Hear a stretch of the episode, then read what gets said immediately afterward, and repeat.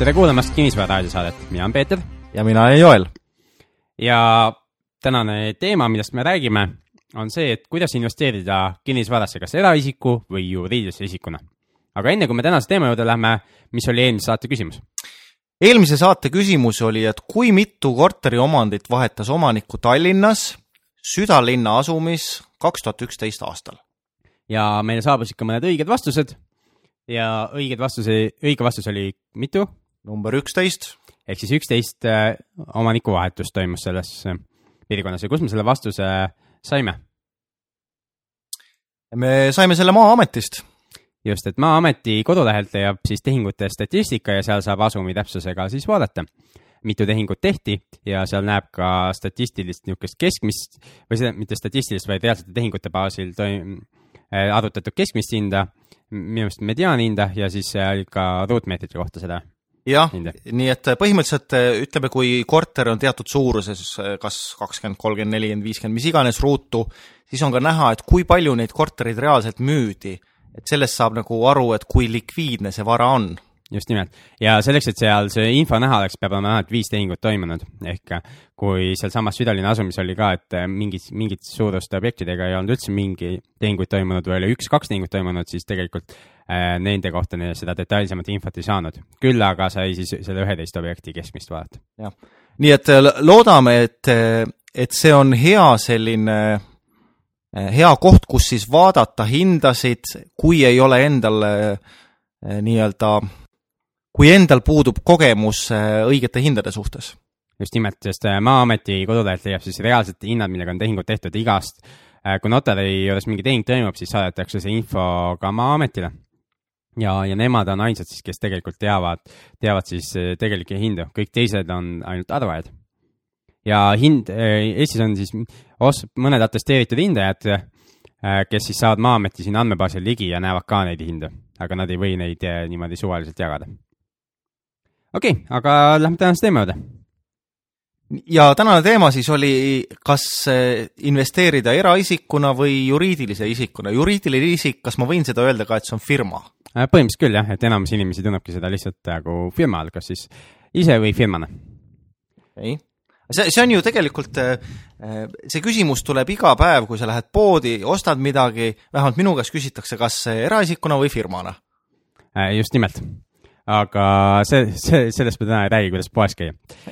räägime siis eh, kinnisvara ostmisest investeerimise eesmärgil. et kui sa ostad nagu elukohta, siis vist ei ole eriti küsimus. kuigi ka seal võib olla mingeid eeliseid firmana ostmisel. aga enamasti ikkagi, kui sa ostad endale elukoha, siis sa ostad seda eraisikuna. aga kui sa nüüd investeerimiseks ostad, siis tekib küll see küsimus. Joel, kuidas sina ostasid, kas sa ostsid firmale või eraisikuna? mina ostsin eraisikuna. miks? Sellepärast, et ma ei teadnud firmade kohta mitte midagi. okei okay., äh, mina ostsin ka kunagi eraisikuna esimese tehingu ja ma ostsin seda äh, siis äh, hoopis sellisel põhjusel, et eraisikuna sai rohkem laenu ja odavama intressiga laenu. nii et üks asi, mida peab siis arvestama ja mis, mis, millest sinu valik sõltub, on see, kuidas sa saad finantseeringu. kolmas asi, mis on eraisiku puhul ka veel erinev, sa mainisid, et saab odavamat laenu eks ole. see kehtib nüüd pangast laenu võtmise ja, kohta? täpselt nii. sa mainisid, et saab odavama intressiga laenu, rohkem.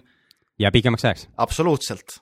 ja kõik need kolm ju mõjutavad sinu igakuist laenumakset. just täpselt, et eluasemelaenuna üks eraisikuna ostmise suuremaid eeliseid ongi siis see, et kui sa kasutad eluasemelaenu ja, ja seda sa saad kasutada siis, kui sa ostad siis äh, midagi, mis näeb välja nagu kodu ja ma siin hiljaaegu uurisin ühe asja ostmist võimalust eluasemelaenuga, mis ei näinud välja nagu päris kodu.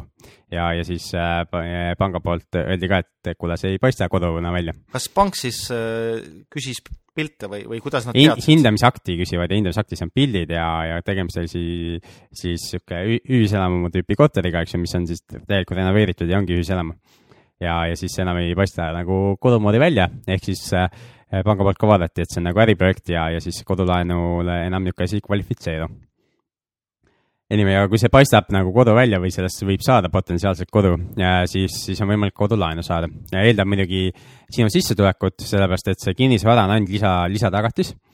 et tegelikult, mida pank kõige rohkem vaatab, on sinu sissetulek ja selle sissetuleku stabiilsus. ja, ja, ja selleks nad kasutavad siis äh, esiteks sinu konto väljavõtet ja ka teiseks äh, soovivad siis äh, pärast seda suurt kinnisvarabuumi langust soovivad ka äh,, et sa võtaksid oma maksuamet, maksuameti kodulehelt võtaksid enda nime alt siis välja äh, maksuameti tõendi selle makstud maksude kohta. et enam ei kõlba suvaline sissetulek nagu äh, buumi ajal ja enne seda. et kui iga kuu laekus, siis sobis. ja aga eluasemelaenu, mis siis saab, on ähm, kõige minimaalsem, mis saab, on kümneprotsendise sissemaksega, kasutades KredExi lisakäendust. ja seda saavad teha siis kuni äh, kolmekümneaastased noored spetsialistid ehk siis kõrghariduse saanud isikud annavad oma kõrghariduse diplomi.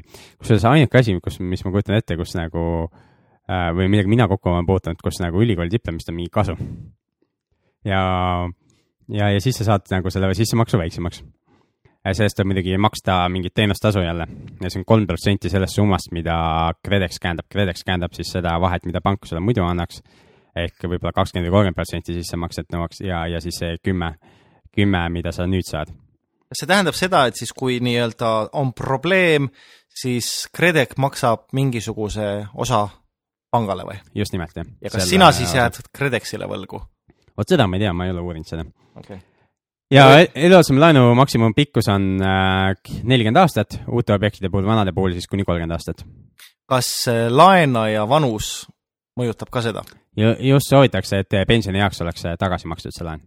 ehk kui sa oled juba eakam, siis, siis periood läheb järjest lühemaks, milleks sulle pangad on valmis seda eluasemelaenu andma äh,. siis, et see on nagu kõige suurem eelis eraisiku puhul, aga kõik ülejäänud asjad on nagu miinus, et näiteks maksud et kui sa, kui sa teenid selle, kui sa ei ela seal, see on investeeringuna ostetud kinnisvara äh,, siis äh, ja sa müüd selle objekti hiljem kallimalt maha, mida sa loodetavasti teed, sest miks sa muidu seda üldse ostad äh,. kuigi eesmärgiks võiks olla vahepeal siis üüritulu teenimine ja see vahe, vahepeal võib tähendada kümneid aastaid. ja see üüritulu pealt ju maksad täpselt samamoodi tulumaksu just, et üüritulu pealt tuleb maksud, eks ju, ja siis, kui sa müüd selle, siis selle ostu-müügihinna vahelt pealt maksad maksud sealt saab küll äh, mingis ulatuses arvestada seda renoveerimiseks kulunud kulu äh,, renoveerimiseks kulunud äh, summasid, aga mitte, ka mitte täielikult. ja, ja tegelikult on ju Eestis on niimoodi, et enamus üürilepinguid, ma ei oska öelda, kas enamus, aga paljud üürilepingud on tegelikult ju nii-öelda mustalt tehtud või paljud on, paljud korterid on üüritud välja mustalt, mis tähendab, et inimesed ei maksa, eraisikud ei maksa saadud tulu pealt tulu jah, ma ei tea, miks inimesed seda teevad, et mina ei ole seda mitte kunagi rakendanud. et see, see, see ei kaitse sind nagu eriti ja mis, üks miinus, mis ongi, on see, et sa eraisikuna, et sa ei ole kaitstud. aga see, mida tehakse siis, on tõesti see, et sa annad kellelegi kasutada ja saad sularahas selle summa ja see on just sellepärast, et inimesed soovivad siis vältida selle tulumaksu maksmist selle üüri pealt.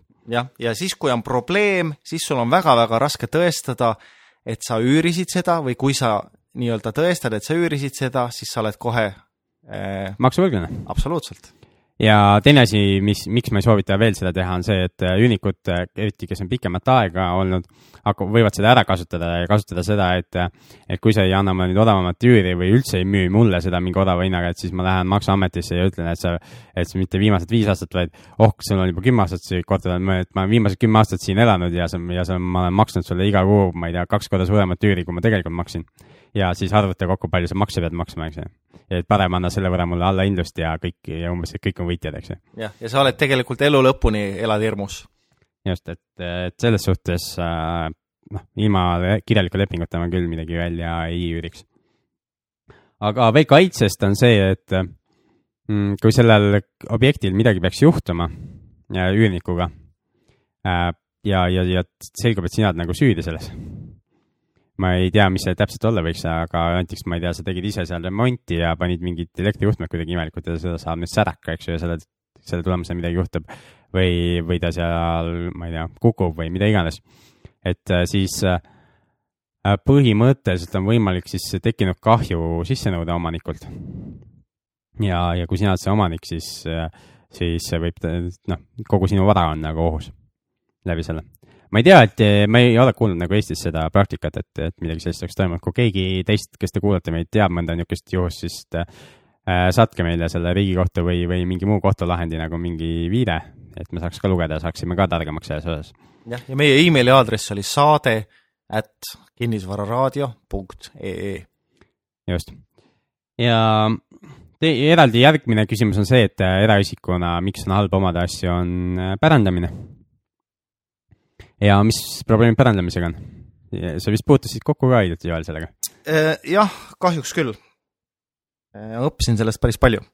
aga pärandamisega on see, et, et nii kurb või, või nii tõsiasi, kui see ka ei ole, et kõik me siit ilmast ükskord lahkume ja, ja kõik see maise, maine mara, mis meil on, seda me kaasa võtta ei saa ja paljudel juhtudel ikkagi vanemad tahavad oma lastele või lastelastele või sugulastele jätta selle, mis, mis neil on siin kogunenud ja, ja, ja seda teab kuidagi, muidugi ma, Maksuamet ja kui sa midagi pärandad, siis äh, inimene, kes selle saab, peab maksma maksud selle pealt sellel hetkel, kui ta selle realiseerib. just, realiseerimise hetkel. et ja. õnneks pärandimaksu meil ei ole. et paljudes riikides on ka pärandimaks, et pärandi saamise hetkel kohe pead maksma. ja, ja, ja kui sul siis, siis raha ei ole, eks siis pead selle pärandi maha müüma, et see maksud ära maksta. Aga Eestis on jah, siis, kui sa pärandivara realiseerid, siis sa pead maksma kogu saadud raha pealt siis tulumaksu. sest pärandamine on niisugune tobe sündmus, et jätame selle emotsionaalse poole kõrvale, aga juriidilises mõttes tobe sündmus et ta muudab kõikide asjade soetusmaksumuse nulliks maksuseaduste mõttes.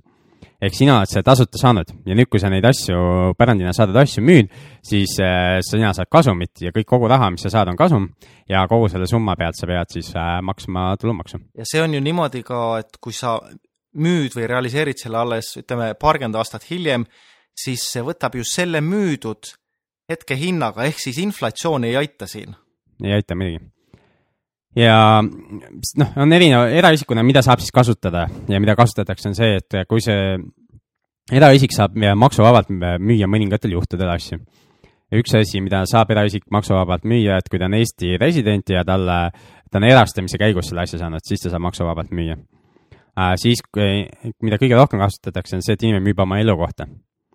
ja, ja, ja selleks siis sa pead nagu reaalselt olema seal elanud ka ja maksuametnikud kontrollivad seda. Olen kuulnud, et käivad ka kohapeal, küsitlevad naabreid ja igasugu muid tõendeid äh, võivad korjata. kui kaua inimene peab olema elanud sees, et Maksuamet ütleb, et jah, et, et sa ei pea makse maksma? see pidi olema sinu alaline elukoht ja endiselt ei ole paigas, äh, kui, kui kaua sa oleks pidanud seal elama. paljud või... inimesed räägivad, et mingi linnalegend räägib, et kaks aastat, kas see vastab tõele? Äh, kaks aastat on midagi muud, et ela, elanud võid olla vähem, näiteks ka kuus kuud aga mis muudeti ära mõni aasta tagasi maksuseadustes, on see, et sa võid ainult ühe elukoha kahe aasta jooksul müüa maksuvabalt. ehk kui me täna, kahekümne viiendal märtsil, kus see saade eetrisse läheb, müüme oma korteri ära, siis järgmise korteri elukoha sina saame müüa siis kaks tuhat neliteist aastal kahekümne kuuendal märtsil, mitte varem siis. et kaks aastat ei saa müüa enam maksuvabalt asju. aga kui kaua ma enne selle eest sees elasin, see ei ole ikkagi määratud kusagil et see kaks aastat elukohta, see, ma ei tea, kust see tuleb. ja kõiki asju, mis me siin saates räägime, siis kontrollige üle veel igaks juhuks, eks ju, me oleme ka võib-olla ajast maha jäänud või mõnest asjast natuke valesti aru saanud. ja kui me tegime vigu, siis äh, saatke meile jälle maili ja öelge, et me rääkisime mingit valet juttu, siis me parandame mõnes järgmises saates ja, ja räägime, kuidas asjad tegelikult käivad siis. et äh, miks ma seda ütlen, on see, et äh, ükskõik, mis te selle infoga teete, mis te meie saadetes saate, nii sellest või eelmisest, siis äh, ärge tulge meid süüdistama, kui teil midagi ei läinud päris nii, nagu te tahtsite, et läheks. jah, ehk siis meie ei võta vastutust. just. okei okay,, aga need on nüüd plussid-miinused eraisikuna mm,. siis teine pool on juriidiline isik. et äh, kui ma vaatan nagu iseenda nagu kinnisvarainvesteeringuid Äh, siis algusest peale ma olen nagu aru saanud, et äh, palju mõistlikum on neid juriidilise isikuna teha. kuidas sulle on tundunud, Joel? samamoodi. miks? No esimene asi, mis, mis, või tähendab, minu, mul on kaks põhilist teemat, üks on nii-öelda varakaitse ja teine on maksustamine. Just nimelt. ja maksustamisega on siis see lugu, et, et Eestis, eks ju, ettevõtetel ettevõtte tulumaksu ei ole ja loodame, et poliitikud seal, seal kõrgel ei muuda seda, sellepärast et tegelikult see on Eestile väga suur eelis ja, ja olgem ausad, on väga palju Soome firmasid, kes on kolinud Eestisse just sellepärast. ei, samal ajal ähm, ma ei ütleks, et see võib-olla nii väga suur eelis on, kui maksuseaduseid tunda.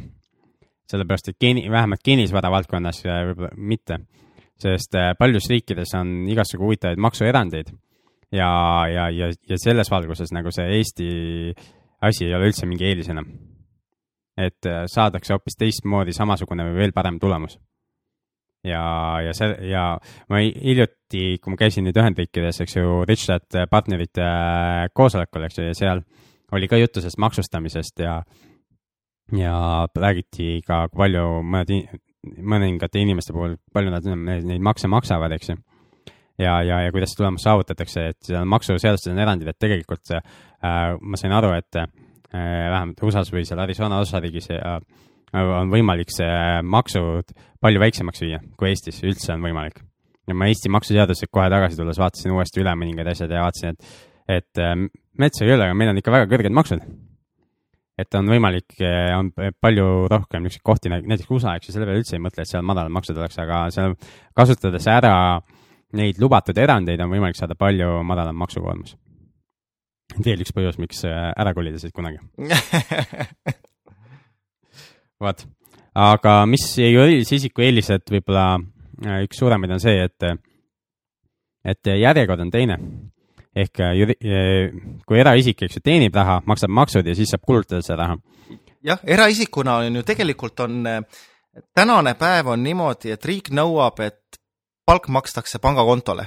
just. ja miks ta nõuab Suve seda? ka maksta tegelikult. jah, aga miks tahetakse kõigepealt pangakontole, on see, et läheb raha Maksuametile ja sulle pangakontole tuleb see raha, mis on nii-öelda siis sinu raha eks see järjekord, ma ei tea, mis aastast see ära, ära muudeti, see on päris ammu ja, ja, ja need, kes täna, meie ja kes te meid kuulate arvatavasti, teile tundub, et see on alati nii olnud, aga ma olen kunagi ajalugu, ajalooga tutvustanud, et kui ei ole alati nii sellises järjekorras asjad käinud. et praegu see järjekord on siis see, et sinu tööandja või väljamakse tegija peab selle tulumaksu kinni pidama, kui ta on juriidiline isik ja sina saad kätte ainult siis selle netotasu aga kunagi ajaloos on see ka teistpidi olnud, et inimene sai ikkagi kogu raha kätte ja siis sellest maksis äh, mingid maksud ära.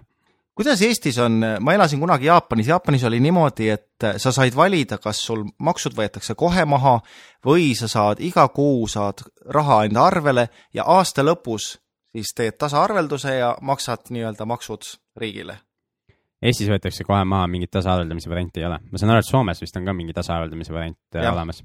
aga see eeldab, tasaarveldamise variandi puhul ma saan aru, et tehakse ka mingi ettemaks alguses, sellepärast et riik ei saa ometigi sind ju usaldada äh, täielikult, eks ju, et selle aasta lõpus sul piisavalt raha on, et maksta, siis sa pead aasta alguses mingisuguse ettemakse ehk siis teed eelmise perioodi tasaarvelduse ja järgmise perioodi ettemakse ja siis lõpus jälle tasaarveldad. Mhm. ja kas oli, kas ma mäletan õieti, Ameerikas tuli tulumaks, inimese tulumaks tuli alles äh, eelmise sajandi alguses, tuhat üheksasada kolmteist vist? Äh, just. et enne seda inimesed ei maksnud tulumaksu? jah, niisugust riiklikku ei olnud, eks ju, korjati mingisuguste konkreetsete asjade tegemiseks maksu ja teistes riikides ma ei tea, millal see tekkinud on. aga ma läheks tagasi selle põhimõttelise vahe juurde, et detailid on erinevad riikides, aga üks suur põhimõte on see, et nagu ma ütlesin, et eraisik, eks ju, teenib, maksab maksud ja siis saab kulutada, mis alles jääb. see ettevõtete puhul, ükskõik mis riigis, on asi, järjekord natuke teistsugune. ettevõte teenib, kulutab ära nii palju, kui vaja või suudab või tahab või mis iganes ja siis selle pealt, mis alles jääb, maksab maksud. tuleb vahe sisse aga loomulikult, sest eh, see, mis on sinu kulutused, siis eh, seal on päris palju võimalusi nii-öelda optimeerida ja mõelda, et mis need kulutused on. üks asi on optimeerida, aga täiesti ratsionaalselt, võtame näiteks selle, et, eh, et mul on mitmed korterid ja mul on nad eraisikuna, eks ju, saan üüritulu ja nüüd mul on ju vaja sõidukit, et käia nendes korterites näite võtmas või neid hooldada, eks ju. jah, või näiteks sul on vaja teha mingi remont, täiesti reaalne remont. just, et kui ma olen eraisik, siis ma kõigepealt maksan maksud ära saadud üüritulult, eks ju, ja siis selles alles jäänud raha pealt lähen äh,, maksan selle sõiduki eest, maksan temaga seotud kulusid, kütust, eks ju. ja käibemaksu. ja käibemaksu ja kõik muud asjad ja ja, ja siis äh, remonti jaoks, eks ju, ostan asju selle saadud raha eest. kui mul on nüüd ettevõttena tegutsenud, siis ettevõte saab üüri enda kätte. Äh, ta teeb kõik kulutused ära, eks ju, ostab selle auto, maksab kütuse, remondikulud, kõik. ja nüüd, mis alles jääb, kui ma tahan seda eraisikuna kasutada äh,, siis ma äh, maksan endale välja, eks ju, dividende.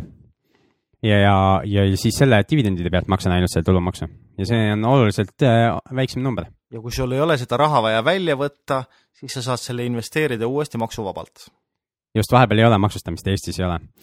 paljudes riikides äh, on ettevõtte tulumaks iga aasta on olemas, et kui ettevõte teenib see aasta mingi kasumi, siis ta peab selle pealt ka tulumaksu ära maksma. Aga kinnisvara valdkonnas nagu vahet ei ole, sest kinnisvara, kinnisvaral on üks hea asi, mida nimetatakse amortisatsiooniks. ja sellega on võimalik siis tekitada selline olukord ettevõttes, et kasumit ei ole, aga raha on. ja mida see tähendab, ettevõtetel on siis tekkepõhine raamatupidamise arvestus ja, ja see tähendab seda, et sellel hetkel, kui tekib mingi nõue või kohustus, võetakse see arvele, millal raha liigub, ei ole oluline. ja, ja, ja, ja tulumaksu ettevõtted teistes riikides maksavad siis ka selle tekkepõhise arvestuse järgi. ja samal ajal tegelikult rahavoogude aruanne on neil ka, eks olemas, mis näitab seda, kui palju tegelikult raha tuli ja raha läks. et raha võib tulla sisse, aga kasumit ei pruugi olla. amortisatsioon, mis eesti keeles võib tähendada? Eesti keeles on ka sõna amortisatsioon. no aga ütleme liht, lihtkeeles et tavaliselt see, mida see tähendab, on, on selline asi, et sa ostad, ma ei tea, arvuti, eks ju, ja siis ta amortiseerub ehk kulub ära. vananeb Va. vananeb, kulub ära, eks ju, ja näiteks kulub kahe aasta jooksul ära, siis eeldatakse, et sa ostad nagu uue, eks ju.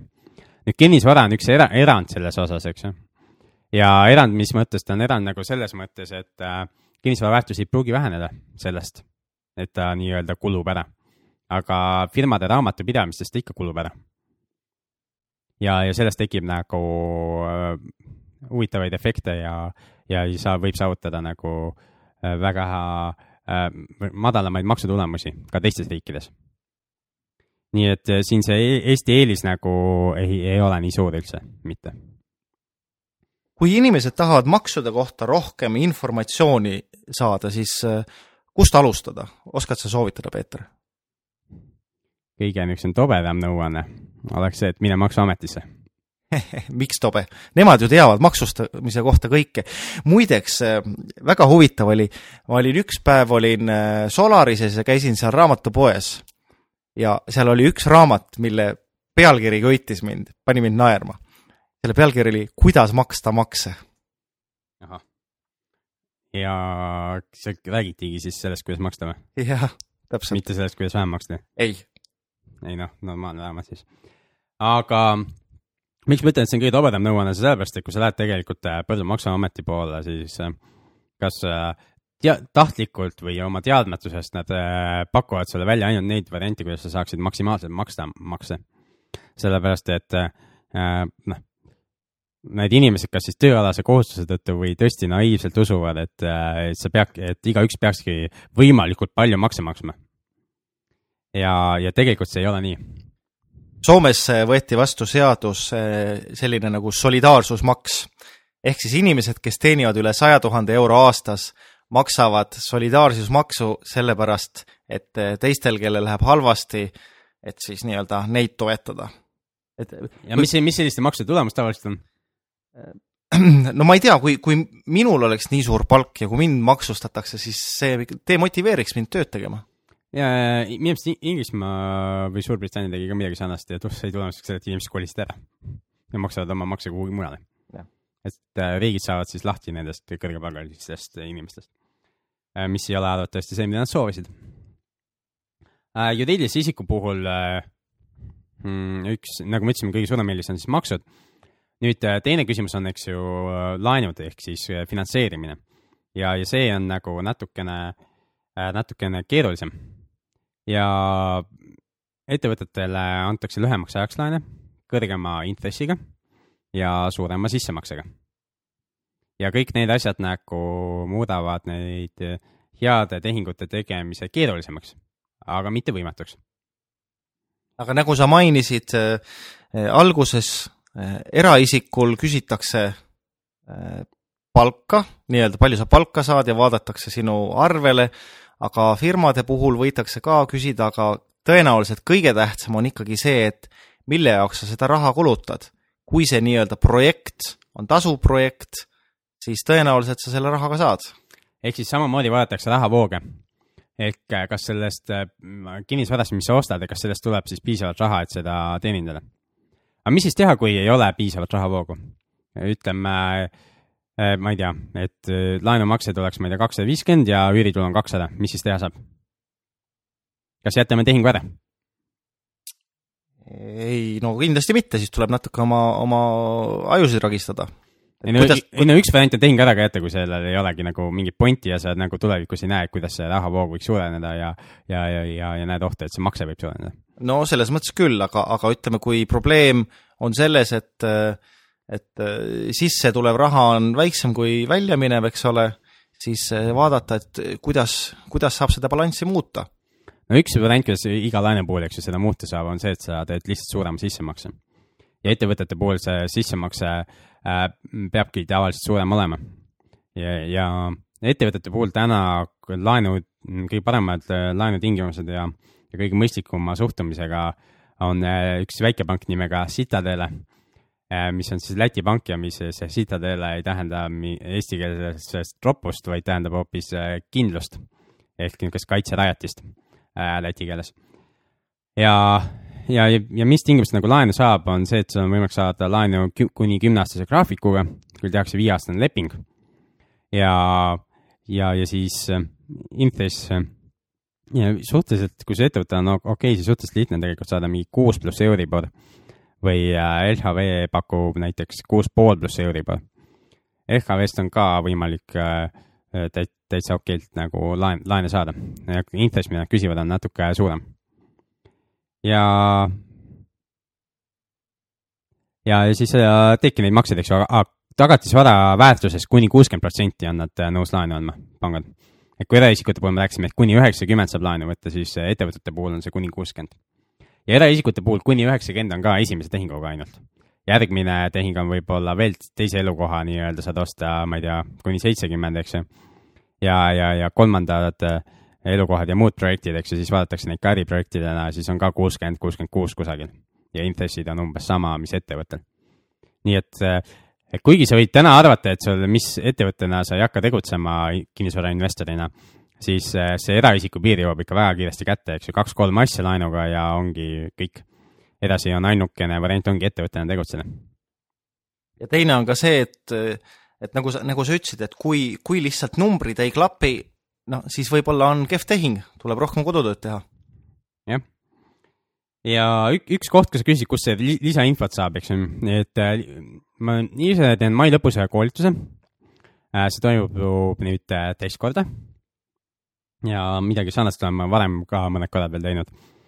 aga siis on üheksateist kuni kakskümmend mai.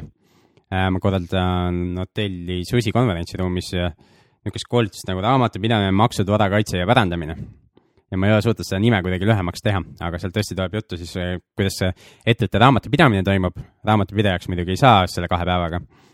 aga saab teada üldpõhimõtted, siis me räägime maksudest, mis maksud Eestis olemas on palju pikemalt ja põhjalikumalt, kui me täna siin jõuame rääkida. siis me räägime, kuidas vara kaitsta eh, ja läbi, kasutades erinevaid juriidilisi isikuid ja, ja räägime ka pärandamisest, et kuidas seda siis soodsamalt Äh, teha, ehk siis vähemate maksudega, kuidas sa saavutada pärandamine. ja selle koolituse kohta lisainfot sa leiad meie Kinnisvara raadio kodulehelt.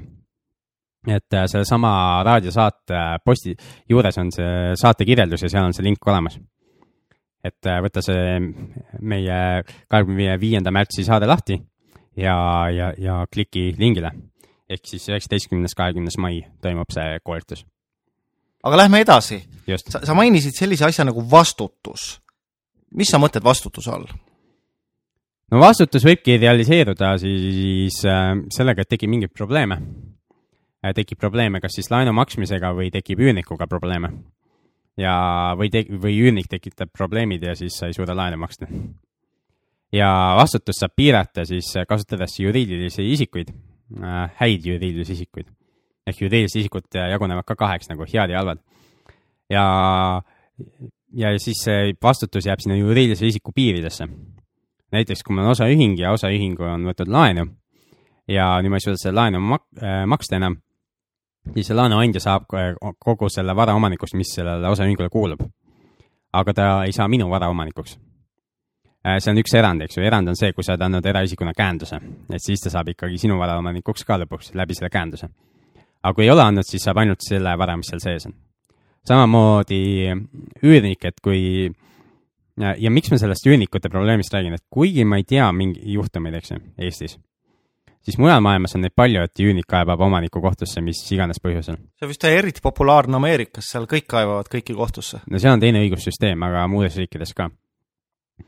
ja äh, siis Eesti üürnikud saavad ka ikka aja jooksul järjest targemaks ja targemaks te. tegelikult Eestis, miks ei ole neid ka kohtuasju, ma arvan, on põhipõhjus on see, et üürnikud äh, ei viitsi nagu äh, kohtusse kaevata ja, või ei oska või ei tea lihtsalt oma õigusi ja, ja nii edasi, et tegelikult Eesti keskmine üürnik teab ikka üsna vähe äh, oma äh, seadusega saadud õigustest, mis on hea tegelikult, kui me välja üürijad oleme. sellepärast, et äh, et, et Eesti seadused ikka väga-väga-väga kaitsevad üürnikku ja isegi ülemõistlikult palju kaitsevad üürnikku. ja see on tegelikult äh, väga tähtis, et, äh, et äh, investor teab oma õigustest ja teab, millised on ka üürniku õigused. ja, ja võimalikult palju tuleb ennast just harida, et sa ei tee nii-öelda lolli, lolle vigu, triviaalseid vigu. ja samal ajal tuleb teada, mis tavapraktika on, sellepärast et äh, enamus üürilepinguid ei ole võlaõigusseadusega sada protsenti kooskõlas, et kokku leppida on teisi asju, niikaua kui need kokkulepped toimivad, on kõik hästi. Aga juriidilise isiku puhul, kui me räägime lihtsalt, et kasutada juriidilist isikut, siis nagu ma ütlesin, need on head ja halvad juriidilised isikud olemas, et äh, hakkaks halbadest pihta, mainiks need lihtsalt ära, pikalt ei jõua rääkida. kui, kui sa tuled selle koolitusele, mis ma teen, siis seal me räägime nendest detailsemalt ja internetist leiad ka kindlasti üles iga selle asja kohta detailsema jutu, kuidas need asjad töötavad ehk siis üks halvemaid asju on äh, füüsilisest isikust ettevõtja. FIE. just nimelt, see on nagu sõimusõna isegi kohati, jah. Ja miks see on halb, on see, et vastutad kogu oma varaga ja, ja tegelikult see ei ole juriidiline isik, vaid see on lihtsalt siis äh, e-, eraisikust ettevõtja äh,. on, on tegelikult, mida see tähendab, füüsilisest isikust ettevõtja. ehk siis sina ettevõtjana. Äh, kui ma ei eksi, siis FIE-l kõik raha, mis tal tuleb sisse, läheb äh, maksustamisele nagu eraisikul, eks ole äh,? mitte päris, ta saab ikkagi kulud maha arvata ja, ja siis kogu kasum läheb maksustamisele. ehk kui ma see aasta teenin äh,, teenin mingisugust raha, siis, siis see läheb kohe maksustamisele äh,. FIE raamatupidamine on kassapõhine ja seal isegi võib saavutada nagu mingeid tulemusi, nagu et ütleme, et sa mm, üürimisega tegeled, siis võib tegelikult saavutada sellise olukorra, et sa tükk aega ei maksa makse. see võib saavutada niimoodi, et sa äh, ostad korteri ja teed remonti ja siis kõik selle saad nagu FIE kuludesse panna ja siis hakkad välja üürima, siis see tulu on sul üsna vähe, sa saad, sul tekib kahjum. ja see kahjumit sa kannad, kannad edasi nagu minu arust kas seitse aastat saab edasi kanda või midagi niisugust. aga sind ootab nagu niisugune surprise, surprise, eks ju, mängu lõpus. ehk et kui sa müüma hakkad seda asja, siis kogu teenitud kasumi pealt sa ei maksa mitte ainult tulumaksu, vaid maksad ka sotsiaalmaksu. ehk sa saad nagu kaks maksu endale kaela, mis on nagu noh, ühesõnaga, sul ei ole ühtegi teist varianti, kuidas sa saaks rohkem makse maksta. see on nagu maksimum. tulumaks tänane hetk on Eestis kakskümmend üks protsenti ja, ja sotsiaalmaks on kolmkümmend kolm. just, kolmkümmend kolm protsenti on sotsiaalmaks. et see on nagu pool raha annad ära, et see on nagu täiesti absurdikas. mis on veel halvad niisugused juriidilised kehad, on täisühing. selle kohta tihti öeldakse, et FIE korda kaks ehk siis see on kaks või enam isikut teeb siis koos ettevõtte ja mõlemad vastutavad mõlema tegevuse eest kogu oma varaga see tähendab ju seda, et kui mina nüüd sinuga, Peeter, teeme ettevõtte ja, ja, ja mõlemad paneme näiteks äh, kogu oma vara, mis iganes meil on, ja kui mina keeran käkki mm -hmm. ja lähen minema ja jätan mingid suured maksuvõlad, siis mina maksan kogu, kogu minu vara läheb ka võlgade katteks, me oleme mõlemad pankrotis päeva lõpuks okei okay,, aga vaatame edasi neid, et äh, väga ei, ei tahaks nagu sügavuti minna, sest äh, muidu me räägiks mitu tundi nendest. täpsemalt siis koolitusel me räägime äh, lihtsalt juriidilistest kehadest üks poolteist tundi või, või isegi rohkem äh,. mis need on? järgmine niisugune äh, pool hea, pool halb, see sõltub, kuidas seda kasutada, aga üksi kasutades on kindlasti halb, on usaldusühing. ja kui sa oled usalduse osa- või kui sa oled täisosanik seal, seal on täisosanikud ja usaldusosanikud kui sa oled täisosanik seal, siis sa samamoodi vastutad kogu oma varaga. ja kui sa oled usaldusosanik, siis sa vastutad ainult selle raha piires, mis sa sisse oled maksnud. kust see nimi tuleb, usaldusühing? Äh, tulebki sellest, et äh, usaldusosanik on usaldanud siis täisosanikule äh, mingisuguse raha tegutsemiseks. ja ajalooliselt, kus seda kasutati, ongi siis see, see, et et näiteks Joel ütleb, et ma tahan hakata mingit ettevõtet tegema, aga raha ei ole ja, ja mul näiteks on raha, siis ma ütlen, et oh, teeme usaldusühingu, sina vastutad kogu oma varaga, oma naha ja kadvade ja kõigega, mis sul on, eks ju. ja mina annan raha, eks ju. ja, ja siis see annab mulle selle, et Joel on kindlasti väga motiveeritud nagu ausalt ja tegutsema ja kasumlikult tegutsema ja, ja mulle oma raha tagastama. sest kui ta seda ei tee, siis ta on kõigest ilma. ja usaldusühingut saab kasutada küll, aga seda saab kasutada kombineerides äh, teiste ettevõtlusvormidega. ehk siin tulevad emafirma, tütarfirma, niisugused sõnad mängu. aga nendest hiljem. just. ja niisugused head äh, asjad, mida kasutatakse, on osaühing, kõige populaarsem üldse Eestis. ja osaühingu siis suurimad eelised on see, et see on piiratud vastutus, saab asutada siis ilma osakapitali sisse maksmata nüüd või, või kui pidi osakapitali sisse maksma, siis see oli ka suhteliselt väike summa, kaks tuhat viissada eurot. ja, ja vastutada ainult selle sisse pandud raha piires. see tähendab seda, et e, mis iganes käki sa seal kokku keerad, siis sa võid kaotada ainult nii palju, kui sa oled sinna raha sisse pannud. kui sa oled omanik. et see on hästi oluline on aru saada, et kõikide juriidiliste isikute puhul, kui sina oled ka juhatuses, siis, siis kui sa juhatuse liikmena ikkagi e, teed hooletusvigu või mingeid äh, rikkumisi, siis äh, sina omanikuna ei vastuta oma varaga, aga sina juhatuse liikmena võid vastutada. ja, ja selle tõttu tegelikult ei ole mõtet kusagil juhatuses olla. mida vähem juhatustes olla, seda parem. et kui ei ole vajadust või leidub keegi teine, kes on nõus juhatuses olema, siis jumala eest olgu see teine inimene, eks ju, ei ole vaja ise seal olla. muidugi inimesed tihti arvavad vastupidi, et oh jee yeah,, ma saan olla juhatuse liige, ma saan teha nimekaardi, kus on kirjas juhatuse esimees. ja tuleb autoriteet ja kõik, aga, aga tegelikult see on üks suur nii-öelda illusion. jah, illusioon ja vastutus. siis eh, mida saab veel kasutada, on aktsiaselts. aktsiaseltsi eh, kasutatakse suuremate projektide puhul eh, mi-, miinimumkapital kakskümmend viis tuhat eurot, lisaks on vaja nõukogu, lisaks on vaja aktsiat registreerida väärtpaberite keskdepositooriumis ehk kõige suurem miinus aktsiaseltsil on see, et teda on kallim käigus hoida kui osaühingut kallim alustada ka. ja kallim alustada ka. siis on olemas äh, sellised huvitavad juriidilised isikud äh, äh, nagu ühistu. ühistul peab olema miinimum viis liiget ja, ja siis tehakse koos äh, mingit majandustegevust. ja kõige suurem vist ühistu, mis Eestis on, on siis ETK, kus on siis äh, liikmed ja, ja mis opereerib siis tervet hulka poode. tarbijate kooperatiiv. just. siis on olemas äh, veel juriidilised kehad nagu mittetulundusühing ja sihtasutus. ja mittetulundusühing on siis äh, selline juriidiline keha, äh, kus omanik ei ole, on liikmed. kas see, kas see tähendab ka seda, et see mittetulundusühing ei tohi tulu teenida?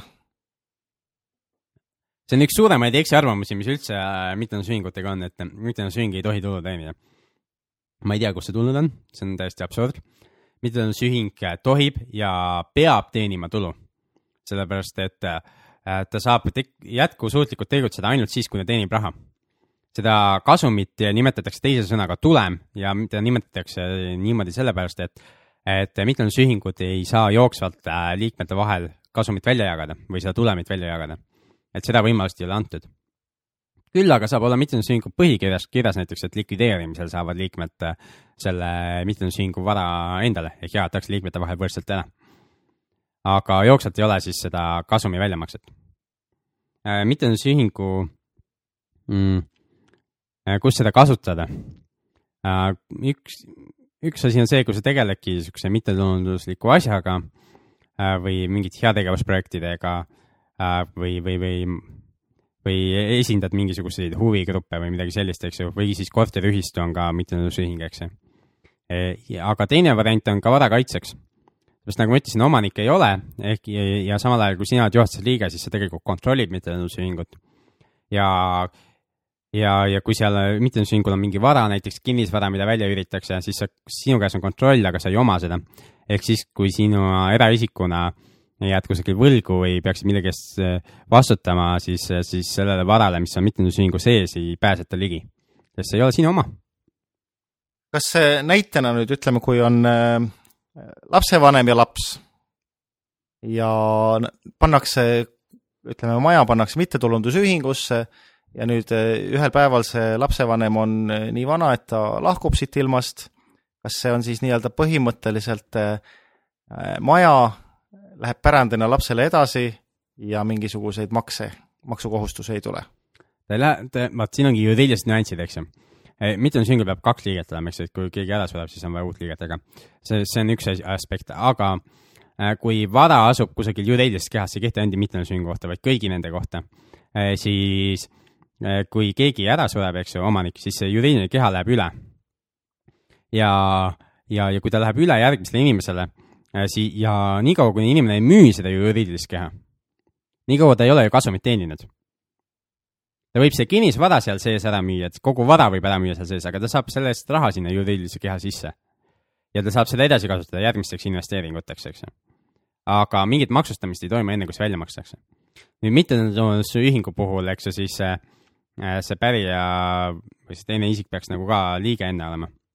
Äh, selles mittetulundusühingus.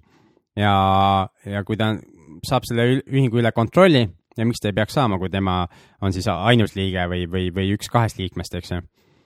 siis, siis ta sisuliselt kontrollib seda, ta ei saa selle asja omanikuks endiselt. aga noh, küsimus ongi see, et kas sa tahad olla mingi asja omanik või sa tahad teda kontrollida. jah, pal-, paljud inimesed ostavad endale asju, on see siis korter või auto või mis iganes, nad tahavad olla omanikud. eks ole, see on see kõige traditsioonilisem mõtlemine mm. -hmm. Aga kui me vaatame nüüd näiteks klassikaline Äh, kuidas ma ütlen, poliitik või selline riigiinimene.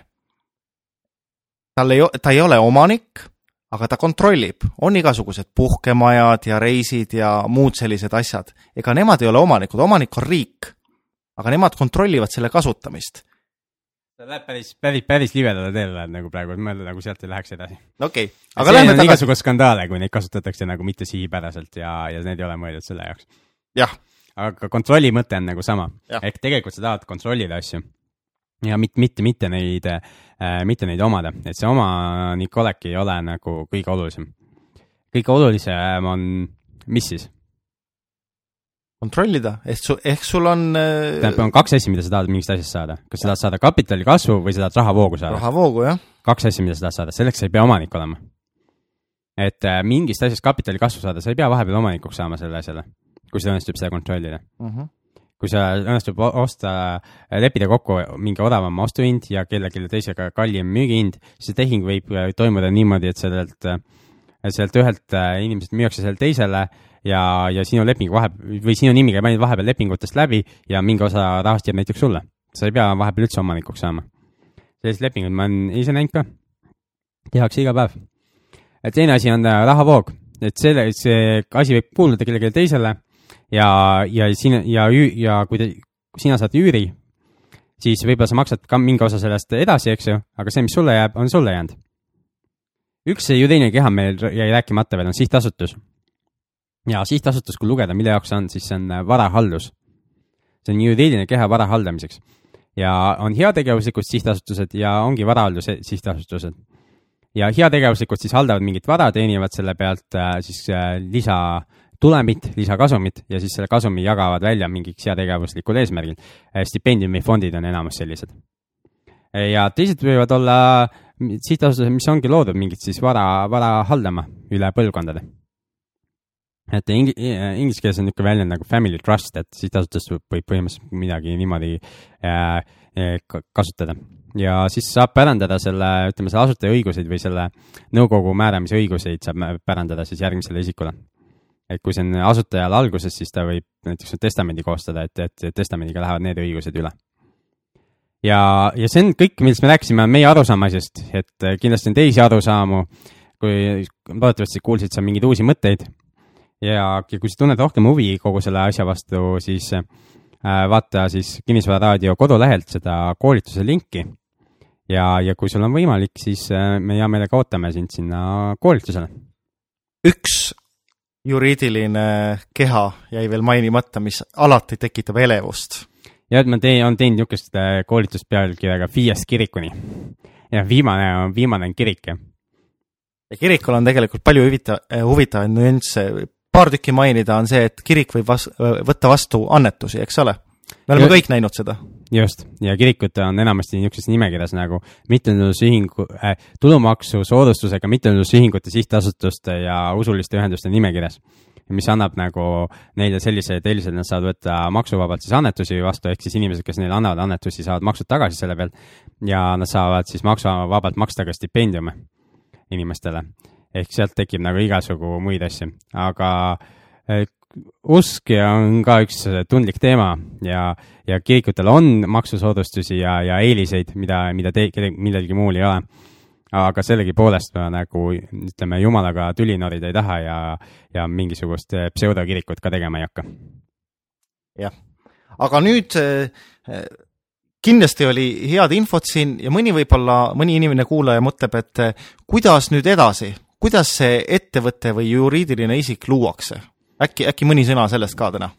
et mitmeid juriidilisi kehasid on võimalik hästi lihtsalt luua, minnes niisuguse aadressi nagu ettevõtjaportaal.ee rik.ee ja, ja siis sealt saab ID-kaardiga sisse logida ja hakatagi tegema seda, täidad lahti ära ja, ja maksad riigilõivu ära ja lõpuks on valmis. kõlab lihtsalt, aga tegelikult seal on ka terve hulk nüansse, et ma olen päris paljudel inimestel aidanud nagu täita neid, neid lahtreid seal. tegelikult eh, praktiliselt on ju niimoodi, et sa saad oma firma asutada oma kodus ükskõik mis kellaaeg, ükskõik mis päev. Eestis küll, jah ja.?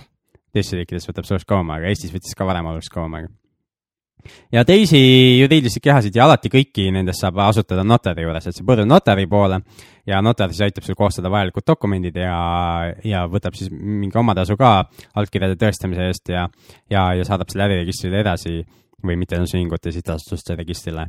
ja, ja siis saad niimoodi selle äriühingu omanikuks. ja kolmas variant on min-, pöörduda mõne ettevõtja poole, kes müüb neid juriidilisi kehasid ehk siis osta nii-öelda valmis firma? osta valmis firma, just nimelt. mis need äh, firma asutamise kulud on?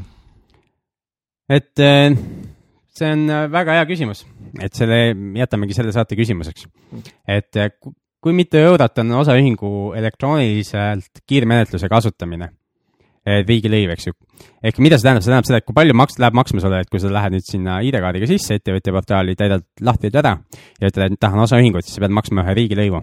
ja ootamegi siis eh, järgneva nädala jooksul, ehk siis eh, hiljemalt esimene aprill saatke meile ära, enne kui järgmine saade väljas on.